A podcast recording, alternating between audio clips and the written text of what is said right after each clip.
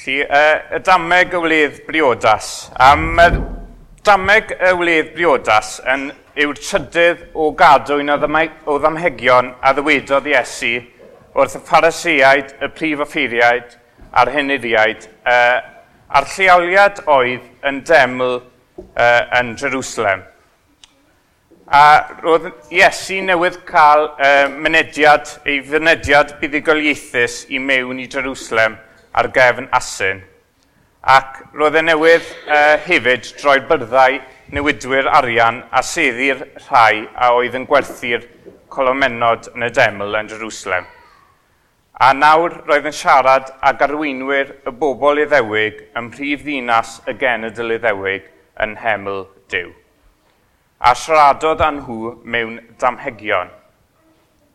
Lly y dameg gyntaf oedd dameg ddau fab, yna dameg tenantiaid, yna dameg yr un yr ydyn ni'n mynd edrych arni uh, y bore yma, uh, dameg y wledd briodas.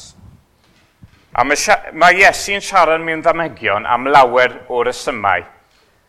Ac un o'r ysymau yma oedd i ddatguddio gwirioneddau a oedd yn guddiedig ers sylfaen y byd. A mae Iesu yn dweud ym mhenod 13 adnod 35. Mae'n dweud, agoraf fy nghenau ar ddamhegion, treithaf bethau sy'n gyddiedig er seiliad y byd. Felly, gadewch i ni balu ychydig mewn i ddameg y wledd briodas bod yma, i geisio'i hystyr er mwyn gallu clywed beth mae Iesu eisiau dysgu ni bod yma. Felly, na i neidio syth mewn i fe. Um, mae Iesu yn dweud yn adnod 2, y mae teirnas nefoedd yn debyg i frenin a drefnod wledd briodas i'w fab. Felly, teirnas nefoedd. Beth yw teirnas nefoedd? Wel, mae teirnas yn diriogaeth lle mae sofran, rhyw brenin neu frenhinas, frenhines yn llywodraethu drosti. Ac nid yw dinas hon o'r byd hwn, e, teirnas nefoedd yw e. Nid yw'n deirnas a fydd yn dymchwel fel holl deirnasoedd y byd yma. Ond mae'n deirnas tragwyddol, cadarn, lle mae Dyw yn y canol ar ei osedd. Dyw yw sofran y deirnas, a ni fydd byth yn cwympo. A'r deirnas hon oedd Iesu yn pregethu amdano, a galw pobl i mewn iddo. Ac mae'n dal i alw pobl i mewn heddiw.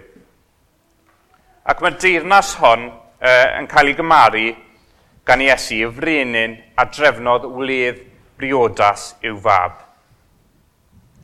Felly mae'r dameg yn dechrau gyda brenin a oedd am ddathlu priodas ei fab trwy gael gwledd. A rhaid mae hon yw'r wledd briodas orau sydd yn wlad, oherwydd ei fod bydd yn cynnwys uh, yr holl gynnyrch gorau yn y tir, o'r ansawdd gorau, a roedd wedi cael ei dalu a baratoi gan y brenin. Felly mae'n gorfod bod y wledd briodas gorau sydd ar gael.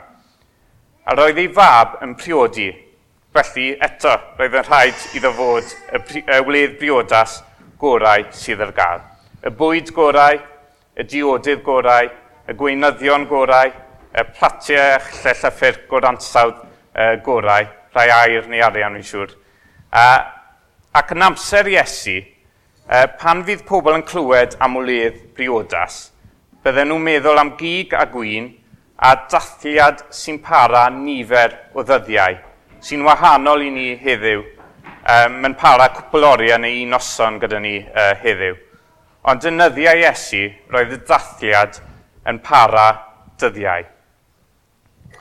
A mae'r wledd hon, mae'r brenin yn ei dweud yn adnod uh, pedwar, yn cynnwys fy mystych am llydnod pasgedig, uh, geiriau anghyfarwydd i fi, ond uh, mae'n golygu bod yn cynnwys ychen y brenin a lloi'r brenin. Felly, mae'n rhaid bod y ci gorau sydd yn y wlad yn y wledd. A nid oedd uh, unrhyw frecs wedi cael ei roi ar yr arian a wariwyd i baratoi'r wledd hon. A oes unrhyw wledd well na hon ar gael. A dyma beth mae teirnas nefoedd yn debyg i. Gwledd priodas a baratoed gan y brenin ar gyfer ei fab. Fel mae'r wledd uh, yma yw'r wledd gorau sydd, Mae'r bywyd sydd yn cael ei gynnig yn Hinas Nefoedd yn Iesu Grist yw'r bywyd gorau sydd. Yn Hinas y Nefoedd mae bywyd tragwyddol, y bywyd yn ei holl gyflawnder. A mae Iesu'n dweud ym mhenod uh, 17 uh, Iwan, yn llyfr Iwan penod 17 yn ei weddi, bod y bywyd hwn uh, yn, um, uh, fel adnabod y tad a y bywyd bywyd tragwyddol yw adnabod y tad a'i fab uh, Iesu Grist. Nid oes yna fywyd gwell na hyn. Ac mae'r bywyd hwn ar gael i ni trwy gredu yn Iesu Grist, ymddiried yn llwyr ar Iesu Grist a'i waith gorffenedig ar y groes. A oes unrhyw fywyd gwell ar gael. Yna mae'r e, ddameg yn mynd ymlaen i ddweud, e, anfonodd y brenin ei weision i alw'r gwahoddedigion i'r neithiwr, ond nid oeddent am ddod. Felly hwn yw'r gwahoddiad i'r wledd. A mae'r gair neithiwr uh, yma yn golygu gwledd briodas, yr holl, uh, yr holl gwledd. A felly mae'r gwahoddedigion yn cael ei gwahodd i'r wledd briodas. A dyma'r gwahoddiad gorau sydd ar gael. Gwahoddiad i ddod i'r wledd briodas gorau, i ddathlu priodas mab y brenin. Pwy fydd yn dweud na i'r gwahoddiad hwn? Byddech chi'n wallgof i beidio a fod yn ddiolchgar ac yn awyddus i fynd i'r wledd briodas hon. Pwy yn y iawn bwyll a fydd yn gwrthod y gwahoddiad? A mae'n anrhydedd mawr yn lle gyntaf i'r pobl i gael, i, i, gael ei gwaho, cael y gwahoddiad gan y brenin ei hun, sofran y gwlad. Ac mae'r brenin eisiau nhw i ddod i ddathlu gyda ef. Pam fyddech chi'n dweud na wrth hyn? A mae'r un, er un peth yn wir i ni heddiw. Mae Dyw yn ein gwahodd e, ni i'r deyrnas nefoedd trwy Iesu Grist. Mae e yn ein gwahodd i'r bywyd gorau sydd, bywyd o gael ein hadnabod gan ddiw ei hun a ni ef.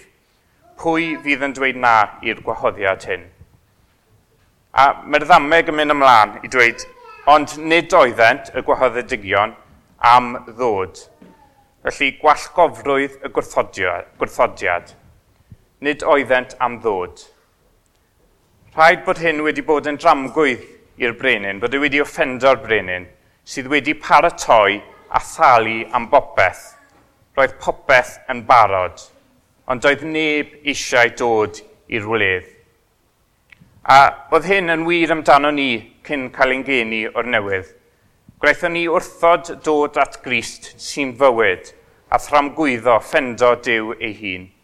Byddwn ni'n gwrthryfela yn erbyn Dyw, O'n i'n dweud na i bob cynnig i fod mewn perthynas iawn a Dyw ei hun, i ddod i'r deunas nefoedd trwy gris. Cawsom ein gwahodd am gwnaethon ni wrthod dod. Ac a fellai uh, e, heddiw bod ni, uh, un ohonoch chi uh, yn un honno nhw, uh, rydych chi heb ddod i'r wledd, heb ddod i'r deunas trwy grist, a ddewch chi ato ef uh, heddiw yna e, mae'r brenin yn anfon gweision eraill allan i ddweud wrthyn nhw eto i ddod i'r wledd briodas. Ac y tro hyn, e, os gen sylweddoli, mae'r gwahoddiad yn cynnwys fwy o fanylion iddyn nhw am beth oedd yn y wledd. Yn adnod 4, mae'n dweud, e, anfonodd y brenin eilwaith weision eraill gan ddweud, Dywedwch wrth y gwahoddedigion – Dyma fi wedi paratoi fy ngwledd, y mae fy mistych am llydnod pasgedig wedi ei lladd, a phopeth yn barod. Dewch i'r neithio, dewch i'r wledd briodas. A mae'r brenin trwy ei weision yn ceisio perswadio nhw i ddod i'r wledd briodas. Dyma beth mae'r brenin yn dweud yng Nghyr y Finan. Edrychwch, Rydw i wedi y baratoi, mae'r cyfan yn barod, mae'r wledd briodas o'r ansawdd gorau yn barod. Dyna'r cyfan sy'n rhaid i chi ei wneud yw dod a mwynhau. A mae'r un peth yn wir am dirnas nefodd, nefoedd. Mae popeth yn barod.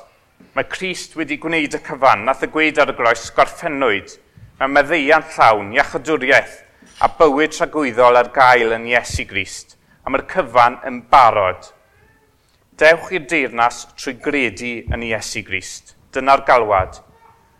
A ni'n clywed uh, yn y dameg um, bod ni'n cael dau ymateb gwahanol gan y bobl uh, i'r ail wahoddiad gan y brenin. Uh, adnod 5 a 6, fyna i ddweud e. Uh, ond ni chymerodd y gwahoddedigion sylw ac eithant ymaith. Un yw faes ac un arall yw fasnach. A gyfilodd y lleill yn iwision ac am drin yn warthus a lladd. Ni thalodd rhai pobl e, unrhyw sylw ac aethant i ffwrdd oherwydd ei bod yn meddwl bod eu tasgau a gwaith e, o ddydd i ddydd yn bwysicach na mynd i'r wledd briodas hon a baratwyd gan y brenin ar gyfer ei fab. Ac ymatebodd y lleill i'r gwahoddiad trwy afael nhw camdrin a'i ladd. Uh, a nid nid yw'n gwneud uh, synwyr, unrhyw synwyr, dylent fod eisiau'r uh, gwahoddiad hwn. Uh, dylen nhw fod eisiau dod i'r wledd i ddathlu priodas mab y brenin. A mae'r un peth yn wir am deyrnas nefoedd, yr efengil. Dyma'r uh, ddau ymateb uh, sy'n digwydd rhan fwyaf o weithiau rydyn ni'n rhannu'r efengil. Uh, yr ymateb cyntaf yw nad ydyn nhw uh, eisiau talu unrhyw sylw i'r hyn yr ydych chi eisiau dweud wrthyn nhw oherwydd bod ei meddyliau wedi gosod ar y pethau sydd ar y ddiar, nid ar y pethau sydd yn y nefoedd. A mae hyn uh, i'r gwrthwyneb i beth nath Paul gorchymyn i'r cysnogion yn Colosau. A nath, e dweud, uh, nath Paul dweud, Ceisiwch y pethau sydd uchod, lle mae Crist yn eistedd ar ddeheilaw Dyw. Rhowch eich bryd ar y pethau sydd uchod, nid ar y pethau sydd ar y ddeiar. Felly, pethau'r dinas sydd y werth tragwyddo, lle mae bywyd tragwyddol ar gael, i rai nid yw'n werth unrhyw sylw i'w meddyliau. Maen nhw'n cario ymlaen a'u bywydau, a'u tasgau, a'u waith, fel bod dim byd o unrhyw werth newydd gael ei gynnig iddyn nhw. Mae rhai yn ymateb fel hyn, ac wrth gwrs mae rhai ni weddio y bydd Dyw yn agor ei llygad i weld bod yr yfengil yn deilwng o dderbyniad llwyr. A diolch i ddew ei fod wedi gwneud hynny i ni. A yr ail ymateb oedd e, llofruddiaeth. Wel, e, fe wnaethon nhw gafael ynddyn nhw a camdrin yna ei ladd. Roedden nhw'n gwneud hyn oherwydd ei bod yn casau'r neges a thrwy ei lladd mae'r neges yn cael ei atal rhag lledaenu. A mae hyn yn rhywbeth, wel, maen nhw'n meddwl bod nhw'n atal y neges rhag uh, lledaenu. A mae hyn yn rhywbeth arall a allai ddigwydd i ni pan fyddwn yn rhannu'r efengil. Gall y rai sy'n clywed yr efengil ein gafael yno ni, ein camdrin a'n lladd. A mae hyn yn digwydd yn y byd ar hyn o bryd. Mae, mae Cresnogion yn cael eu cipio, eu cywilyddio a'i lladd. Mae'n llawer y wledydd yn y drwydan canol ac yn Africa heddiw oherwydd maen nhw'n cyhoeddi'r efengil. A mae'r pobl yn casau'r neges gymaint, maen nhw'n barod i ladd i atal yr efengil rhag lledaenu. A heddiw bydd rhai pobl yn casau uh, ni am rannu'r efengil a bydden nhw'n ceisio a'i holl nerth i'w atal rhag lledaenu. Felly, cwestiwn i chi. Um, Efe chi sy'n cael ei ddisgrifio yma, uh, ydych chi'n cysau'r efengil yn ei dyrmygu cymaint fel eich bod yn ceisio atal yr efengil rhag lledaenu. A dyma'r neges i chi, dewch at Grist. Mae, mae ddeiant llawn ar gael yn ddeif, mae bywyd tragwyddol ar gael yn ddeif. A fel uh, mae'r wledd fan hyn yn barod ac wedi cael ei baratoi, mae'r mae, mae, mae teirnas nefoedd, mae'r bywyd sydd y gael yn Iesu Grist yn barod ac mae wedi cael ei baratoi. Felly dewch at Grist os chi heb eto. A un pwynt cyflym uh, am y gweision. Uh, e, roedden nhw'n trosglwyddo yn union beth oedd y brenin wedi dweud wrthyn nhw. A nhw ddim yn newid uh, unrhyw beth ar y gwahoddiad, uh, heb ychwanegu na tynnu unrhyw beth i ffwrdd. Uh, fe na i ailadrodd uh, adnod uh, pedwar. Anfonodd y brenin eilwaith weision e, eraill gan ddweud, dywedwch wrth y gwahoddedigion, dyma fi wedi paratoi fy ngwlydd, y mae fy mystych am llydnod pasgedig wedi ei lladd, a phopeth yn barod, dewch i'r neithiwr. A mae hyn yn wir i ni pan rydyn ni'n rhannu'r newyddion da am Iesu Grist ac yntau wedi groesolio. E, rydyn ni'n rhannu rhywbeth o ddi wrth ddew ei hun. Efengil dew yw e a dylen ni ddim newid y neges. Dylen ni cyfeirio pobl at Grist a dweud bod bywyd tragwyddol am y ddeiant llawn ar gael yn ddo ef, a bod popeth yn barod, a bod Christ wedi gwneud y cyfan yn ei fywyd cyfiawn a'i farwolaeth ar galfaria. Felly, uh, nôl i ymlaen ar hwn, uh, felly ar ôl i'r gweision rhannu'n ffyddlon yr hyn oedd y brenin wedi dweud wrthyn nhw, a chael eu cipio, eu cywilyddio a'i lladd. Rydyn ni'n cael yr ymateb uh, gan y brenin yn adnod saith. Mae adnod saith yn dweud, Digiodd y brenin ac anfonodd ei filwyr i ddifetha'r llofruddion hynny a llosgu eu tref. Felly dyma ymateb cyfiawn y brenin. Roedd y brenin yn ddig, roedd e'n grac, A roedd y pobl a oedd wedi cael ei gwahodd i ddod i muno'r wledd ei fab, e, newydd ladd ei negeseuwyr ei weisio nef. A pwy fyddai'n gwneud y fath beth? Um, a nath y brenin anfon ei filwyr difetha'r llofruddion a llosgu eu trefi. A beth oedden nhw'n disgwyl? Y uh, llythyr diolch gan y brenin? Na, uh, gwnaethon nhw cael ei dileu yn llwyr o ddi ar y map fe'i dinistrwyd a llosgwyd ei dinasoedd i'r llawr. A dyma mateb cyfiawn y brenin. Ac mae hyn yn wir i unrhyw un sy'n anifeddhau i alwad yr yfengil i ddod at Grist. Um, mae Paul yn dweud uh, yn ei lythyr, yn ei ail lythyr tuag at uh, uh, Thessaloniaid. Uh, yn y benod gyntaf, uh, adnodau 6 i 10. Fe na i ddallan. Uh, cyfiawn a ran diw yn sicr yw talu gorthrymder yn ôl i'r rhai sydd yn eich gorthrymu chwi, a rhoi es esmwythad i chwi sy'n cael eich gorthrymu. Ac yn unnau hefyd, pam ddatgyddir yr arglwydd Iesu o'r nef gyda englynion nethol, fe ddaw mewn fflamau tan gan ddial ar y rhai nad ydynt yn adnabod Dyw, a'r rhai nad ydynt yn i fyddhau i efengyl ein harglwydd Iesu dyma'r rhai fydd yn dioddef dinistyr tragwyddol yn gosb, wedi cael allan o bresenoldeb yr arglwydd ac o goniant ein erthyf, pan ddaw yn y dydd hwnnw yw o gan ei saint ac i fod yn destun rhyfeddod gan bawb a gredodd. Dyma uh, beth fydd yn digwydd uh, yn yr ail ddyfodiad, pan bydd Christ yn dod nôl yr ailwaith. Bydd y rhai sy'n anodd i fyddhau i alwad yr efengil i ddod i'r wledd i ddod at Grist yn dioddef cosb dinistyr tragwyddol. A bydd y rhai sy'n anu fyddai, uh, i fyddai, y rhai sy'n i fyddai, sy'n dod i'r wledd yn dod at Grist yn mwynhau bywyd tragwyddol. Pam fyddech chi'n anifyddhau i alwad yr efengil? Mae'n uh, wallgof i dweud na wrtho fe. Uh, edrychwch ar ddiwedd y bobl an i feddhaodd i'r brenin a cymaint gwaith bydd uh, aniddhau i ddiw ei hun. Efallai mae rhywun yma heddiw uh, wedi aniddhau i'r alwad i fynd at Gris trwy gydol eich bywydau, trwy gydol eich bywyd. Wel, mae heddiw yn diwrnod newydd, uh, diwrnod arall y ras, ac mae'r arglwydd ar ei orsedd, orsedd glas. A ddewch chi heddiw at Grist o'r man lle rydych chi'n eistedd. A wnewch chi gyfleidio ef fel eich gwaredwr a charglwydd uh, mae myddeiant bywyd tragwyddol, perthynas iawn a diw ar gael yn ddoef i chi heddiw. Ac uh, awn ni ymlaen uh, i'r ddameg. Uh, adnodau 8 a 9. Na i ddallan e. Uh, yna, meddai wrth ei wision, y mae'r wledd briodas yn barod, ond nid oedd y gwahoddedigion yn deilwng. Ewch felly i bennau'r strydoedd, a gwahoddwch bwy bynnag a gewch yno i'r wledd briodas.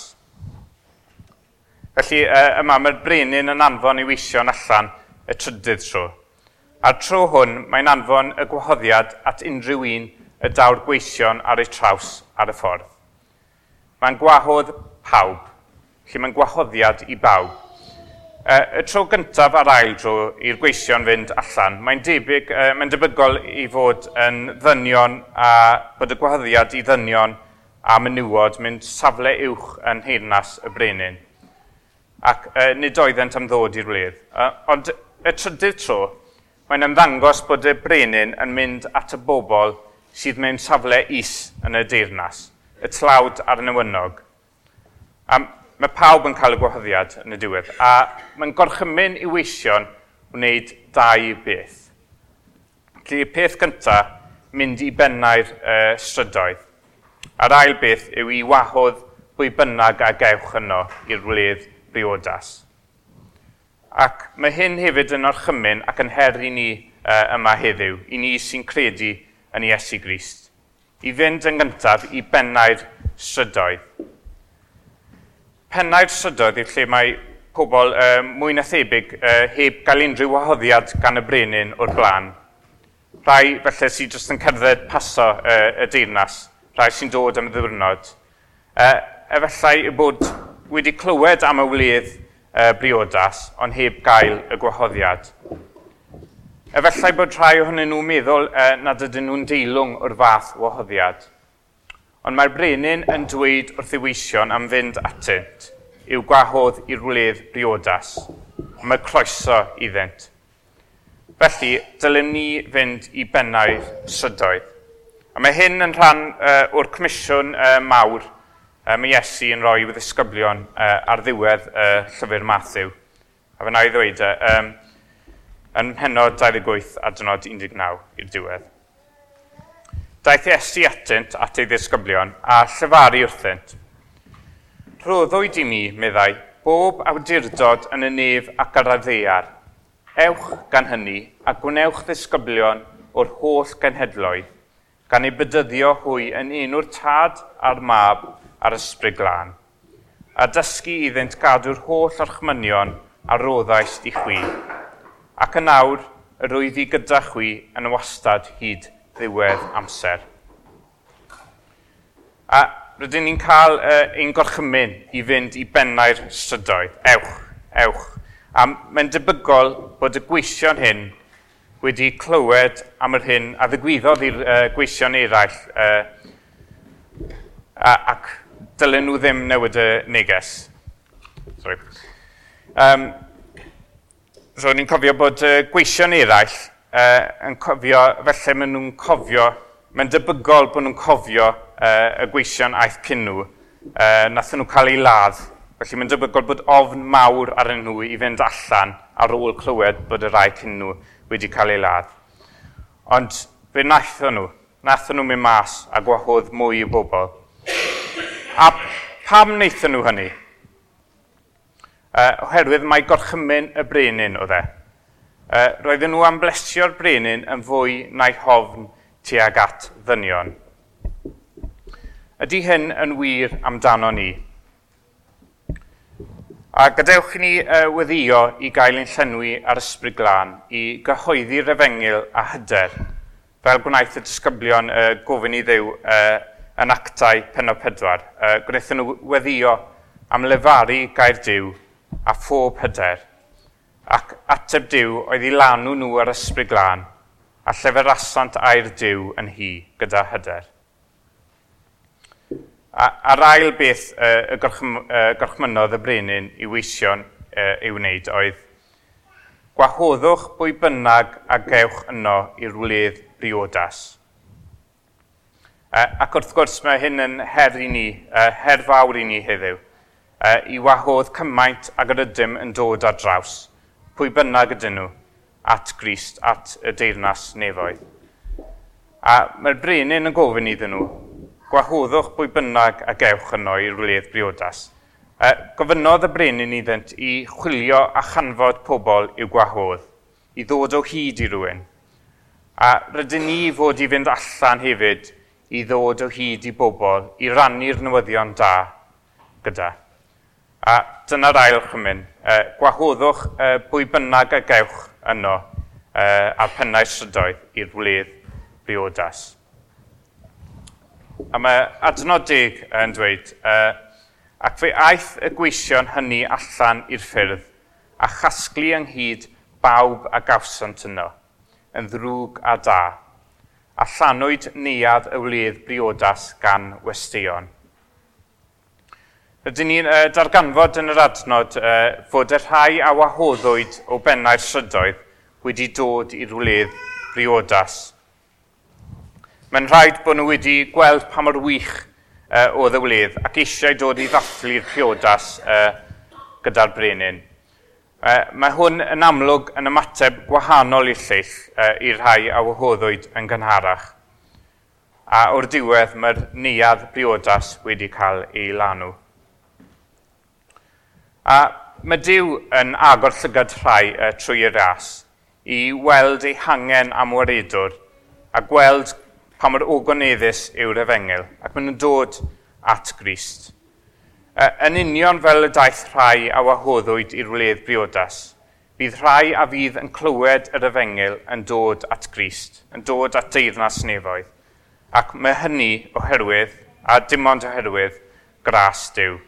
A dylen ni ddiolch i ddew am ei ras, uh, am wneud hynny i ni, a gweddio bydd ef yn galw mwy ato ei hun trwy gyhoeddiad ei efengelydd. A yn adnod 11, um, yn dweud, um, aeth y brenin i mewn i gael golwg ar y gwestion, a gwelodd yno ddyn heb wisg briodas amdano, a meddai wrtho, gyfaill, sut y daethos di mewn yma heb wisg briodas. Lly roedd y neuad briodas yn llawn. A daeth y brenin i mewn a gweld bod yna un dyn ddim yn gwisgo'r wisg briodas.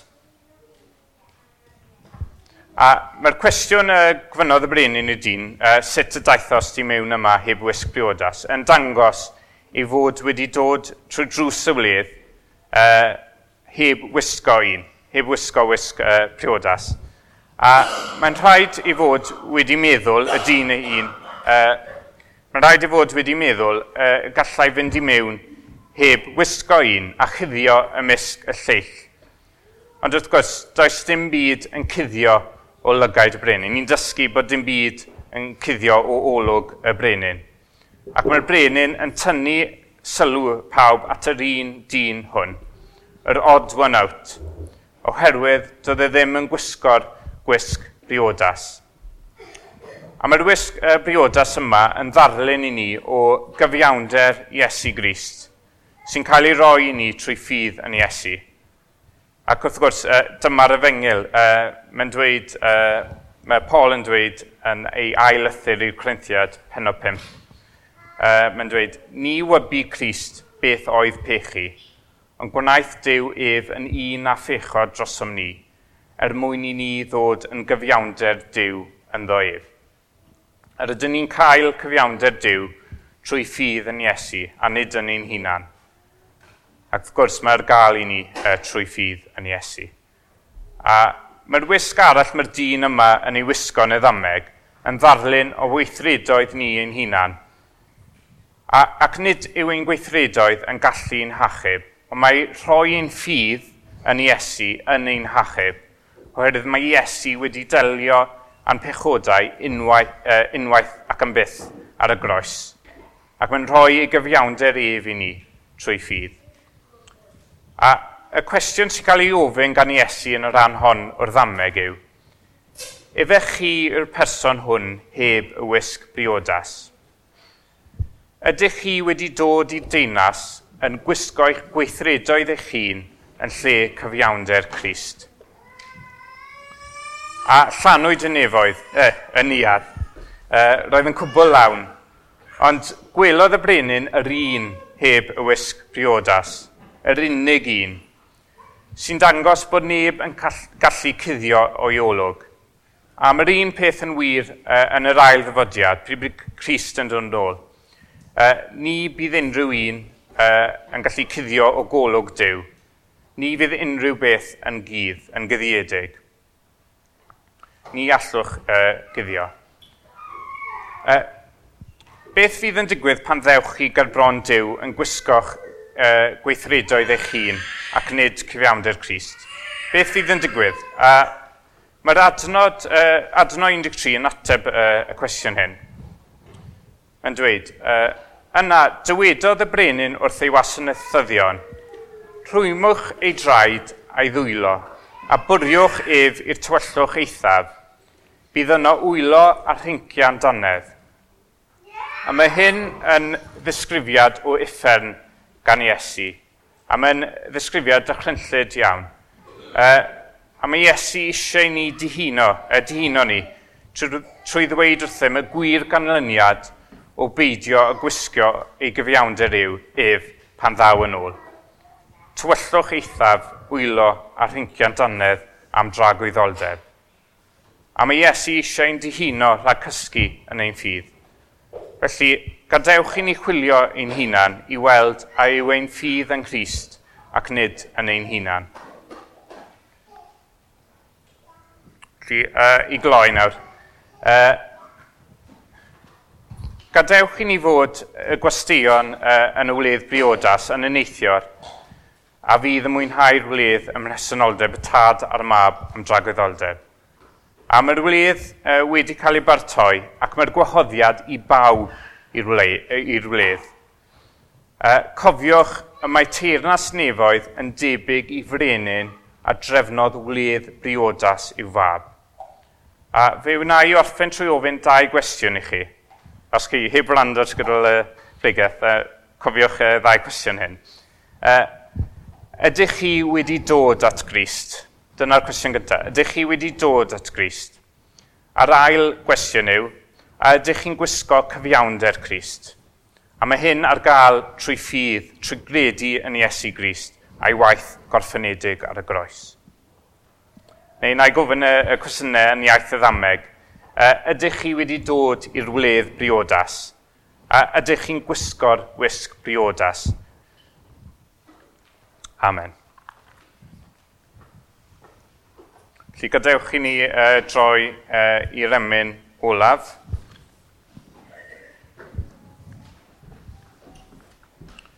Mae yn yr atodiad uh, rhif uh, 17, rhif 17 yn yr atodiad. Dyma gariad pwyau treitha, anchwiliadwy y diwydd. E. Dyma gariad yw ddymdiroedd, byth ni thriddia nef y nef. Dyma gariad gwyd fy unaid, uwch holl bethau gwael y llawr. Dyma gariad wnaim ganu yn y bythol wynfyd mawr. Rhif 17 yn yr atodiad.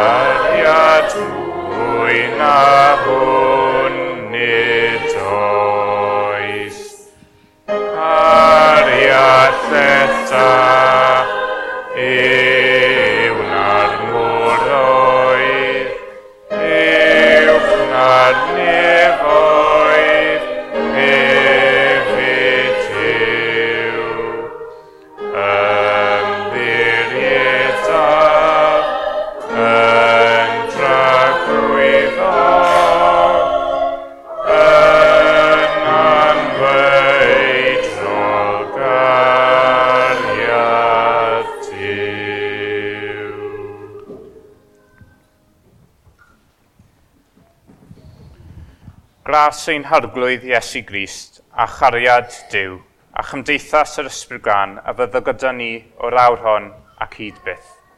Yn enw Iesu Grist. Amen.